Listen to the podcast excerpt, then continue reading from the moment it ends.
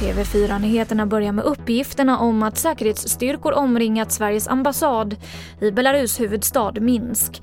SR rapporterar att pådraget sker efter att två personer tagit sig in på ambassaden för att söka asyl i Sverige. Enligt lokala medier har de deltagit i regimkritiska protester. Och mer om det senaste kring detta i TV4-nyheterna klockan 22 ikväll. Vi går vidare till centrala Borås där en man i 25-årsåldern ska ha blivit skjuten i benet under eftermiddagen. En misstänkt gärningsman som ska ha varit maskerad ska ha setts lämna platsen springandes och polisen har inlett en förundersökning om försök till mord. När MSB gör enkätundersökningar om hur svenska folket påverkas av coronapandemin så är åldersgruppen 80 plus inte tillfrågade. Men enligt Kantar Sifo är de över 80 år som deltar i nätundersökningar inte ett representativt urval för åldersgruppen som helhet.